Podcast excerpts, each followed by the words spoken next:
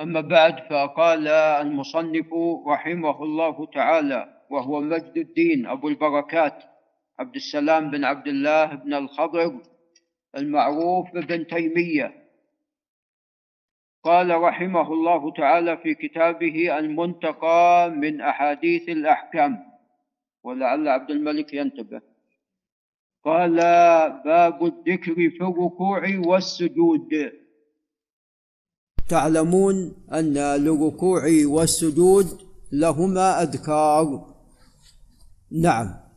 وهذه الأذكار هي على قسمين. القسم الأول هو الذكر الذي أو الذكر الرئيس الذي لا بد منه في الركوع. والنوع الثاني الذكر الذي يكون مع الذكر الرئيس. نعم. وكذلك أيضا السجود. وأعني بالذكر الرئيس هو سبحان رب العظيم. هذا في الركوع. وفي السجود سبحان رب الأعلى. وأما الذكر الذي هو ليس بمؤكد وإنما هو سنة هو أن تقول مثلا سبوح قدوس رب الملائكة والروح أو سبحانك اللهم وبحمدك اللهم اغفر لي. أو سبحان ذي الجبروت والملكوت والكبرياء والعظمة. اذا الذكر تبين أنه في الركوع والسجود على قسمين ذكر مؤكد وذكر مستحب. قال عن حذيفة بن اليمان العبسي رضي الله تعالى عنه قال صليت مع النبي صلى الله عليه وسلم فكان يقول في ركوعه سبحان ربي العظيم. وسبحان أي ينزه انزه ربي العظيم عن كل نقص وعيب فهو الكامل جل وعلا في أسمائه وصفاته وذاته جل وعلا. انزه ربي العظيم فالله عز وجل عظيم. جل وعلا. قال وفي سجوده يقول سبحان رب الأعلى أيضا ينزه ربه الأعلى جل وعلا لأن الله سبحانه وتعالى في العلو. أأمنتم من في السماء؟ يخافون ربهم من فوقهم. إني متوفيك ورافعك. إلي تعرج الملائكة. العروج الصعود. تعرج الملائكة والروح إليه. فالله عز وجل له العلو الذاتي والحسي والمعنوي جل وعلا. ولذا في صحيح الإمام مسلم عندما سأل عليه الصلاة والسلام من حديث معاوية بن الحكم السلمي سأل الجاريه أين الله؟ قالت في السماء. نعم. قال من أنا؟ قالت أنت رسول الله. قال اعتقها فإنها مؤمنة. شهد لها الرسول عليه الصلاة والسلام بالإيمان. فنسأل الله أن يحقق إيماننا ويقيننا به عز وجل ونجعل أحسن أيامنا يوم أن نلقاه. يا كريم. قال وما مرت به آية رحمة إلا وقف عندها يسأل يسأل الله رحمته ولا آية عذاب إلا تعوذ منها. يستعيذ بالله من آية العذاب يستعيذ بالله من عذاب الله. قال رواه الخمسة يعني أحمد وأصحاب السنن وصححه الترمذي. وأصله في مسلم. قال وعن عقبة بن عامر الجهني رضي الله تعالى عنه قال لما نزلت فسبح باسم ربك العظيم قال لنا رسول الله صلى الله عليه وسلم اجعلوها في ركوعكم. فلما نزلت سبح اسم ربك الأعلى قال اجعلوها في سجودكم. رواه أحمد وأبو داود وابن ماجه وإسناده صالح وقد صححه ابن خزيمة وابن حبان وسكت عنه أبو داود. وأيضا صحح الحاكم. قال وعن عائشة رضي الله تعالى عنها وعن أبيها أن رسول الله صلى الله عليه وسلم كان يقول في ركوعه وسجوده سبوح قدوس رب الملائكة والروح.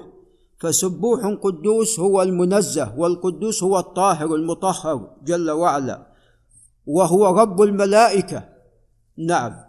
وهم من أعظم خلق الله والروح. وهو القول الراجح جبريل عليه السلام واختصاص الروح ب يعني خص خصه أو تخصيصه من بين الملائكة يدل على مكانة ماذا؟ جبريل فهو آه، رسول الله إلى عباده إلى الأنبياء هو الذي ينزل بالوحي من الله عز وجل فهو الرسول الملكي قال رواه أحمد ومسلم وأبو داود والنسائي.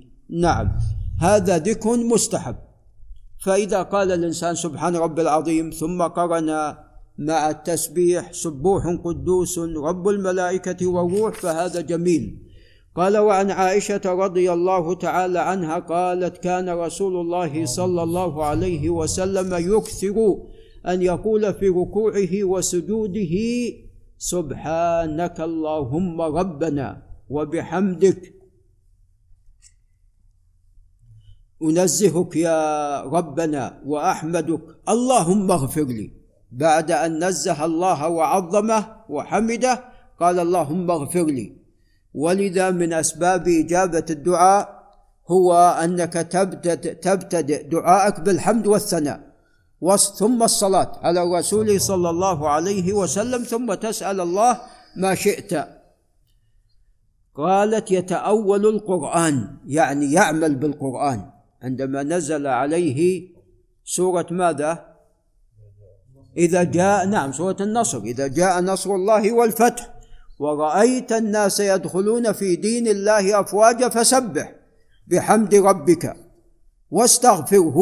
إنه كان توابا فقال إن هذه العلامة إذا جاءت فأكثر من تسبيح الله واستغفاره أكثر من تسبيح الله وحمده ثم استغفره.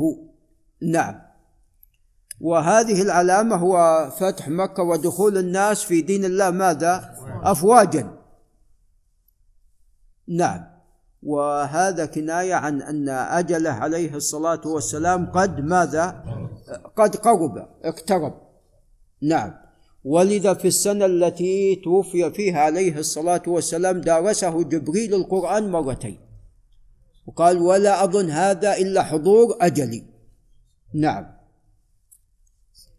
رواه الجماعة إلا الترمذي. يعني الشيخان وأحمد وأصحاب السنن سوى الترمذي. قال وعن عون بن عبد الله بن عتبة عن ابن مسعود رضي الله عنه أن النبي صلى الله عليه وسلم قال إذا ركع أحدكم فقال في ركوعه سبحان ربي العظيم ثلاث مرات فقد تم ركوعه وذلك أدناه. وإذا سجد فقال في سجوده سبحان ربي الأعلى ثلاث مرات فقد تم سجوده وذلك أدناه. رواه الترمذي وابن ماجه رواه الترمذي وأبو داود وابن ماجه وهو مرسل عون لم يلقى ابن مسعود فإسناده ضعيف. قال أبو عيسى ليس إسناده بمتصل عون لم يلقى ابن مسعود. قال وما تقدم يكفي. قال وعن سعيد بن جبير عن أنس رضي الله عنه قال ما صليت وراء أحد بعد رسول الله صلى الله عليه وسلم أشبه صلاة برسول الله صلى الله عليه وسلم من هذا الفتى.